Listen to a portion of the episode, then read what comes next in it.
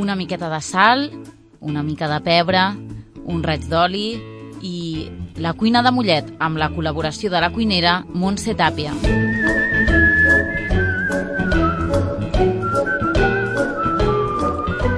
Molt bon dia, Mollet. Si us agrada cuinar, si us agrada menjar, tant si sou fodis com si no, aquest és el vostre programa. Un programa que cuinem amb amor i on hi cap tot allò que té a veure amb els mercats, els fogons, les taules i les sobretaules.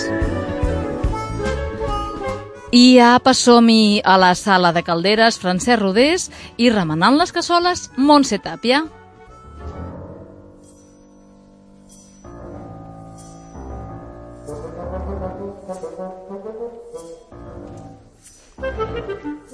Passen les setmanes molt, molt de pressa i sense adonar-nos ja estem a l'abril i mica en mica fem via cap a l'estiu, però cada cosa al seu temps. Gaudim ara i aquí d'aquesta primavera, dels aliments que ens ofereix, de les festes, dels sabors, de les olors.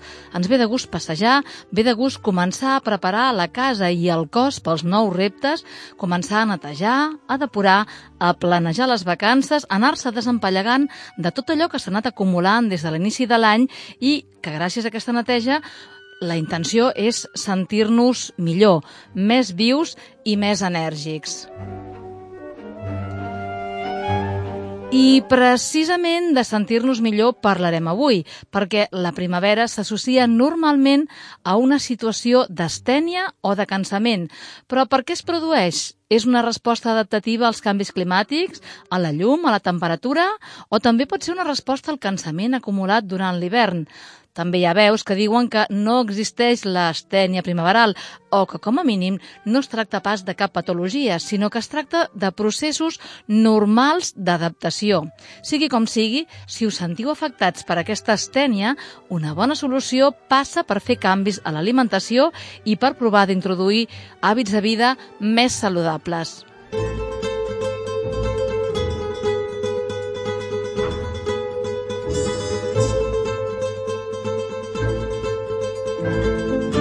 Doncs sí, perquè el principal pilar de la salut és l'alimentació. Hi ha persones que tenen un metabolisme molt i molt resistent i sembla que res no els afecti, però tot allò que mengem i també com ho mengem afecta tard o d'hora a la manera com ens trobem. Menjar més verdures, més fruites fresques, beure més líquids, consumir més cereals, més llegums, peix blau, fruita seca, aliments baixos amb greixos, són maneres de depurar l'organisme. Són recomanacions generals que serveixen, que serveixen per ajudar a regular el cos i no suposen un canvi radical en l'alimentació que moltes vegades aquests canvis d'alimentació costen una miqueta i tenen una durada molt curta. Doncs així les verdures crues cuites i aquestes verdures de l'estació, com els ells tendres, les carxofes, els espàrrecs, els pèsols, les faves o el fonoll, les fruites com els albercots que comencen a estar en el seu millor moment, les maduixes, les prunes i les peres, ens aportaran vitamines, enzims i fibra. I el peix, el blau, també els musclos, les petxines i les tallarines estan en el seu millor moment i també és un bon moment per consumir xai, aviram i ous. Veieu que sempre la terra ens ofereix ofereix d'allò més bo que té i la, la gràcia està en aprofitar-ho, la gràcia està en saber-ho cuinar i sobretot també la gràcia està en recuperar receptes d'aquelles d'arrel tradicional i adaptar-les també una miqueta a les nostres necessitats tan nutritives com també una miqueta d'organització. Cuentan que en Oaxaca se toma el mezcal con café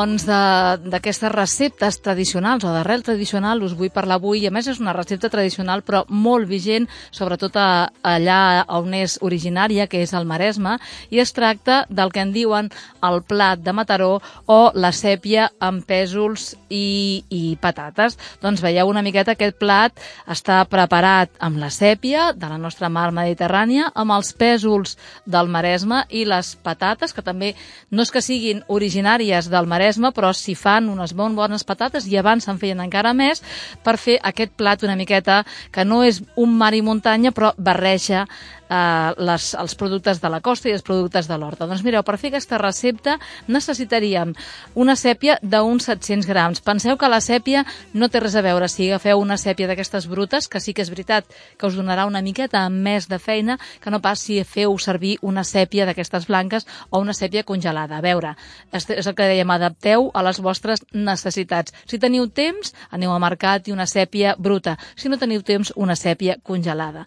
També necessitarem mig quilo de pèsols desgranats. Per obtenir aquest mig quilo de, de pèsols desgranats en necessiteu aproximadament un quilo de sencer. També necessitarem mig quilo de patata, una patata que vagi bé per bullir de tres cebes tendres si són petitonetes, dos alls tendres, un got de vi blanc, millor si és de l'ella, un got petit d'oli d'oliva, mig litro d'aigua amb sucre, una miqueta de sal i després una picada que fareu amb ametlles i avellanes, una mica d'anyora, un gra d'all, julivert i també, si us agrada, un puntet de xocolata de la que no té llet, sobretot.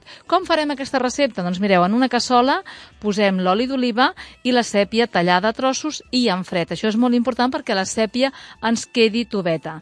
Quan la sèpia hagi perdut l'aigua, s'hagi consumit, hi afegiu les cebes picadetes i els alls tendres també picats. I també, quan estiguin ja cuits aquests alls i aquestes cebes, hi afegiu el tomàquet ratllat.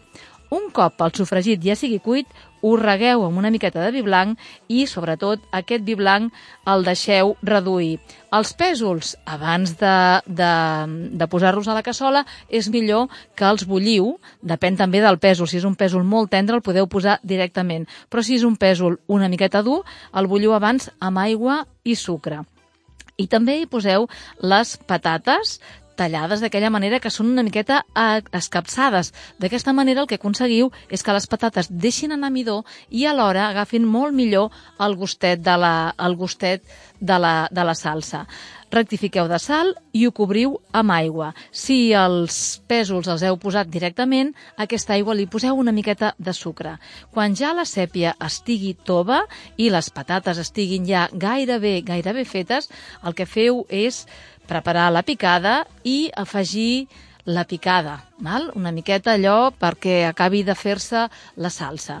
I res, uh, un, ja, ja està. Si voleu fer una altra cosa, també podeu fer una altra cosa, que és a, a, en lloc de posar les patates trossejades directament amb la sèpia que es vagi coent amb aquesta aigua, també les patates les podeu tallar a trossos més regulars, fregir-les i afegir-les a l'últim moment. Dos consells per aquesta, per aquesta preparació. Primer, assegurar-vos de que la sèpia està ben feta, la patata que sigui a trossos regulars, controlar-ne la cocció i el pèsol o bé directament o bé bullit abans i sobretot si el pèsol el bulliu abans, és un consell d'aquests de, de cuina, una miqueta que serveix per moltíssimes receptes, els deixeu un cop bullits, els traieu de l'aigua, pareu la cocció amb aigua freda i els deixeu amb aigua freda. D'aquesta manera es mantindran amb amb el color i la forma rodoneta sense arrugues, que és la que més ens agrada quan els posem a la cassola.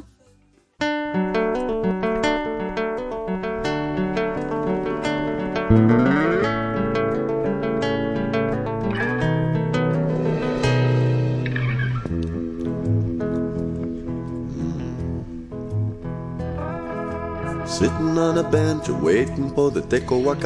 I doncs, quines receptes us puc proposar que serveixin per preparar aquesta primavera? Evidentment, el primer que cal recomanar és la verdura crua.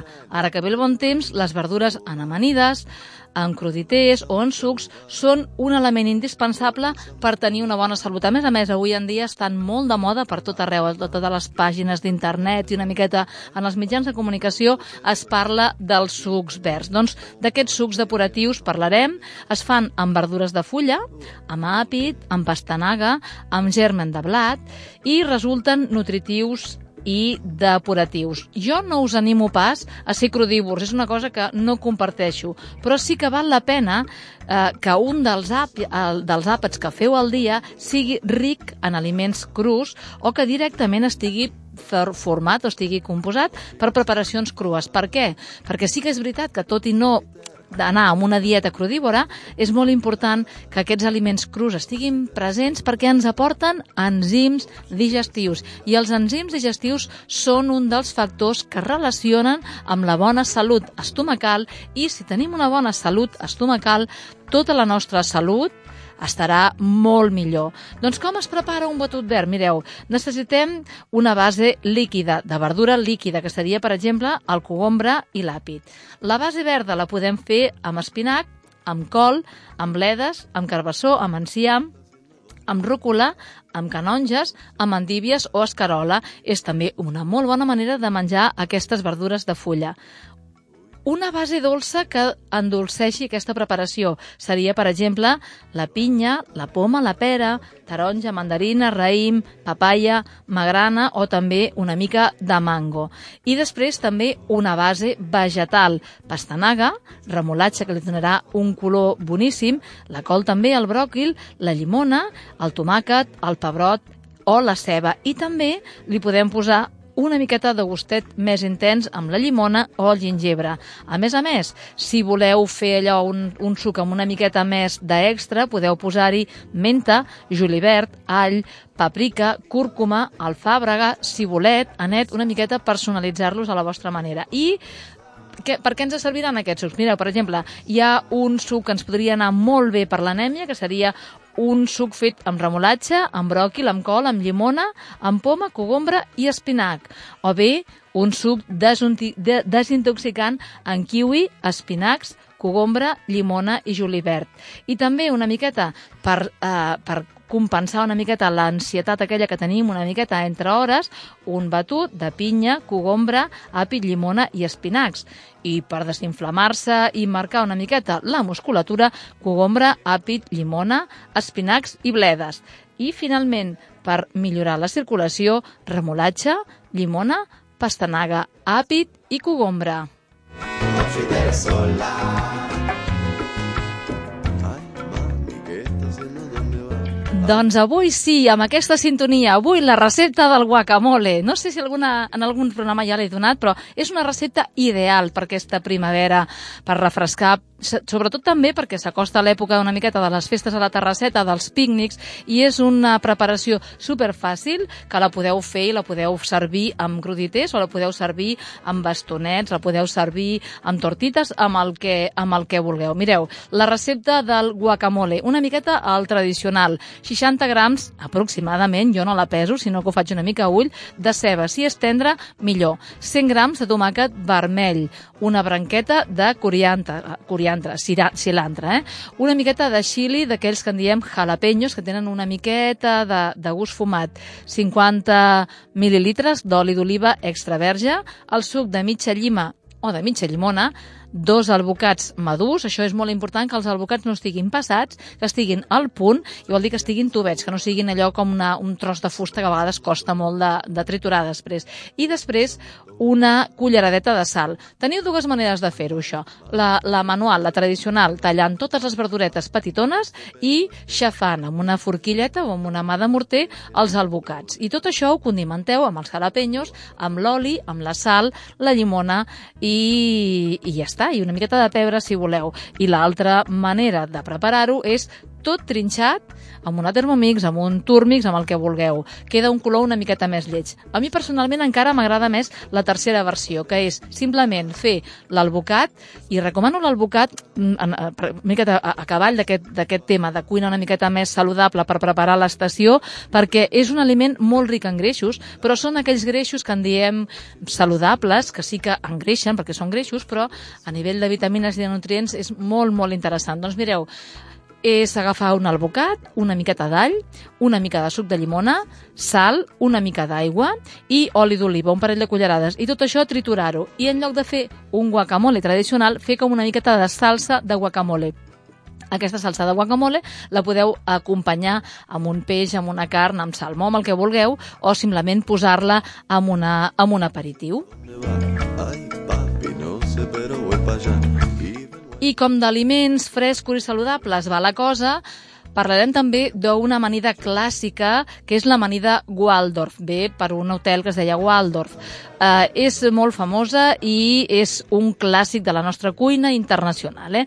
L'ingredient principal és l'àpid i per això trio aquesta amanida, perquè l'àpid, encara que no sigui un producte molt popular, sí que és un producte molt, molt, molt depuratiu i està boníssim, agrada fins i tot el, en, en els nens combinat una miqueta en aquesta recepta. Mireu, eh, necessitarem una poma, una poma que millor que sigui de quilòmetre zero, un grapat de nous, també les nous, si poden ser locals, molt millor. Després tindrem les branques i les fulles tendres d'un àpid. Per exemple, la idea és que hi hagi dos vegades la quantitat de poma amb àpid. Després, una maionesa per amanir elaborada o bé amb llet o bé amb ou, si voleu, però sobretot amb una miqueta de llimoneta per donar-li un gust una miqueta més àcid, després oli de nous, que això és opcional, sal i pebre al gust. I què fem? Doncs pelem la poma i netegem també l'àpid, les branques més verdes claretes es deixen i les tiges es pelen, perquè l'àpid és molt fibrós i aquesta fibra, de cara a una amanida, ens podria molestar una miqueta. Surten molt fàcilment aquestes fibres pelant amb un pelador. Doncs tallem la poma a trossets, també tallem l'àpid a trossets trosset i les anous i ho barregem tot i ho amanim amb una mica de sal, amb una mica de pebre, un raig d'oli, que si és de nous molt millor, i una miqueta d'aquesta salsa maionesa a la que haurem afegit una miqueta de llimona. Doncs res, tot això ben barrejat a la nevera i és una amanida fantàstica per menjar-la al moment, però també la podem menjar a la feina, amb carmanyola, perquè ens aguanta molt i és una manera de, a la carmanyola, portar un producte saludable, lleuger, fàcil de fer i, sobretot, que el podem fer amb una miqueta d'antelació.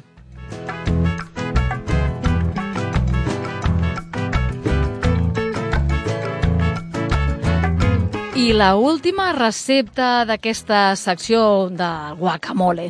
Mireu, una crema verda que la farem amb un paquet d'espinacs o bé dos o tres manats d'espinacs frescos, mig bròcoli, dos carbassons i la base de tot plegat serà aigua bullint en sal. Necessitarem també oli d'oliva, sal, pebre i, opcionalment, podem posar-hi una miqueta de curri. Què hem de fer? Si les espinaques són de bossa, que és el més còmode, ja normalment venen netes. Si no, doncs les netegeu ben bé, traieu les, els tronxos si voleu i sobretot procureu que no quedi gens de terra.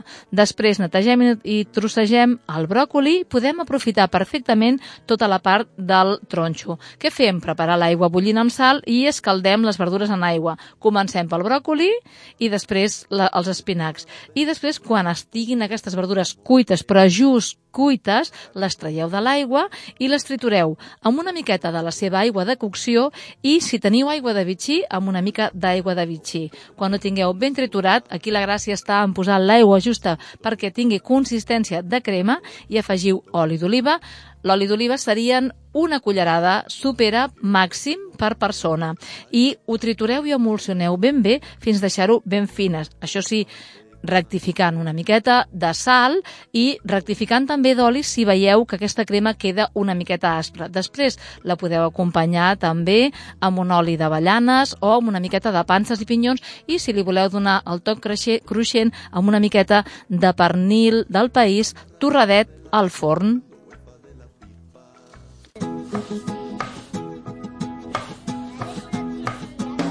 Farem un pa com es feia abans, com es feia pagès. Recordo el meu pare per fer aquest pa en blanc català, aigua mineral ben temperada, sense clor, sense gas, la sal sense refinar. I la massa és mare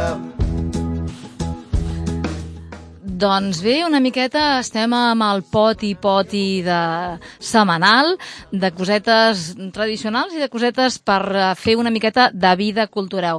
La primera cosa és una miqueta, eh, no hi hem arribat a temps, no n'hem pogut parlar una miqueta perquè són d'aquelles convocatòries que al final es van extenent per tots els pobles, però aquest cap de setmana ha sigut una miqueta aquest tap a mullet, que és una proposta molt interessant i, eh, bueno, veieu una miqueta que, que es comencen a moure cosetes aquí a Mollet, sobretot perquè també la restauració es comença a moure i és una iniciativa que es fa a Barcelona, Hospitalet, a molt, a, arreu de, de, de les ciutats de Catalunya i realment està enganxant perquè és una una manera de, de, de, de fer participar els restaurants i una miqueta de portar la gent, de fer moure la gent i que la gent vegi una miqueta els productes que elaboren aquests restaurants. Però bueno, a part d'aquesta etapa en, en el qual nosaltres ja, ja, no, ja, ja ha passat, però ho diem una miqueta perquè tingueu present que es fan moltes més coses a Mollet de les que moltes vegades ens sembla i a vegades és un problema de que ens arribi la informació, però estigueu atents perquè se'n fan moltes de, de cosetes d'aquest estil i també us volia parlar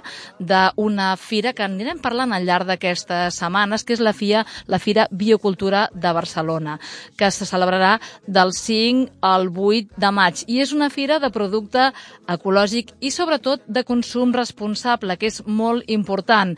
Eh, hi hauran 700 expositors i s'acostumen a plegar més de 80.000 visitant, eh, visitants. Penseu que hi ha de tot, des de teràpies, productes, mm, aliments, eh, hi ha tallers de cuina i una miqueta és una bona excusa per baixar a Barcelona i fer una visita i sobretot, jo us parlo moltes vegades això de cuina natural i de productes ecològics, està bé que els que desconeixeu una miqueta el tema us apropeu en aquesta fira i pugueu una miqueta gaudir d'aquests productes. També a Mataró el 28 i 29 de maig hi ha un festival de cuina i alimentació saludable. També és una iniciativa que s'està fent en altres països i que ara comença a arribar a les nostres ciutats. És interessant, estigueu a la web, a la pàgina d'internet, perquè una miqueta pugueu està al cas sobretot de la programació perquè hores d'ara aquesta programació encara no s'ha obert. Simplement està anunciat aquest congrés o festival de cuina i alimentació saludable a Mantaró.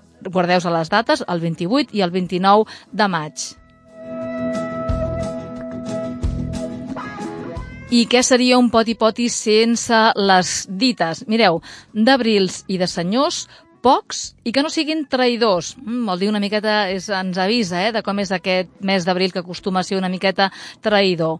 D'abrils i sogres, poques de bones. Això a les sogres pobretes, a vegades, o moltes vegades són encantadores, no els hi volem cap mal, però la dita diu això. Espiga o espigueta, per l'abril treta. Faves d'abril, bones com el pernil. Faves de maig, no me n'empaig. Eh? Una miqueta les recomanacions populars per gaudir dels nostres productes. Fruita que neix a l'abril val per mil. Si no vols menjar sopes tot l'estiu, sembra pèsols a l'abril. I una altra, perquè ja s'acosta Sant Jordi després, en el nostre apartat de lletres i films, en parlarem una miqueta del proper Sant Jordi. Doncs mireu, per Sant Jordi, espiga l'ordi. Per Sant Marc, espiga el blat. Per Sant Francesc, sembra el blat. Si no el tenies, sembrat. I res, res, això, prepareu-vos, comenceu a preparar el Sant Jordi. Aneu fent la llista de llibres i de desitjos i prepareu les roses i els petons.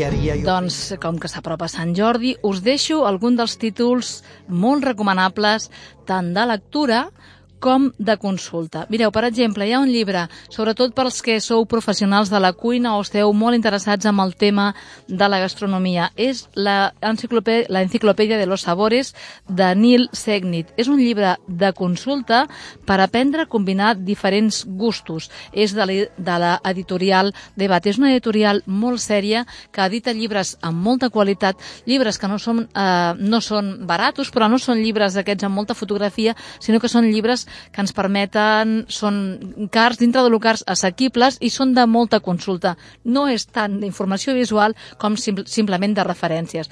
I dintre d'aquesta editorial Debate hi han dos llibres d'un autor que a mi m'agrada moltíssim, sobretot perquè és molt tècnic i és molt didàctic, ens explica moltes coses molt interessants, que se'n diu La buena cocina de Harold McGee, que és un repàs a tots els grups d'aliments, a les seves característiques i a la millor manera de preparar-los. I aquest senyor també en diu, en té un altre que és uh, uh, la Los alimentos i la cocina, que també una miqueta fa un repàs molt més profund profund per tots els ingredients que formen part de la culinària mundial. Això sí que ja és un llibre una miqueta més feixuc, però aquest, de la Buena Cocina, és un llibre pels que us interessi la cuina, fantàstic, per tenir una miqueta més d'informació molt aplicada a les cosetes de casa. I un llibre de lectura, d'aquestes lectures, o un parell de llibres de lectures. Per una banda, El perfeccionista a la cuina, de Julian Barnes, de l'editorial Viena i és del 2007 i explica les divertides anècdotes d'un aficionat a la cuina que intenta seguir al peu de la lletra les receptes dels llibres de cuina. Una crítica còmica als receptaris de cuina realitzada amb un gran respecte per un dels millors escriptors anglesos contemporanis. I una altra recomanació, Fogons calents, de Jaume Fàbrega, de l'editorial Llibres de l'Índex Marblava del 2004. I és, com no, una proposta eròtico-gastronòmica del gastrònom i gourmand Jaume Fàbregas, que té cosetes molt interessants i en, aquesta, en aquest llibre s'ha decantat per la cuina eròtico-festiva. I finalment, una novel·leta d'aquelles que no costen gens de passar i són molt agradables, que se'n diu una chef con estrella. De Nueva York a la Toscana, Georgia aprende a saborear la vida. La veritat és que, bueno, és de Jenny, de Jenny Nilsson i Bé, són aquelles novel·letes que són molt intrascendents, però tenen moltes referències al món de la cuina i almenys per una tarda d'aquestes de primavera o d'estiu és una lectura plaent i molt amena. Mm.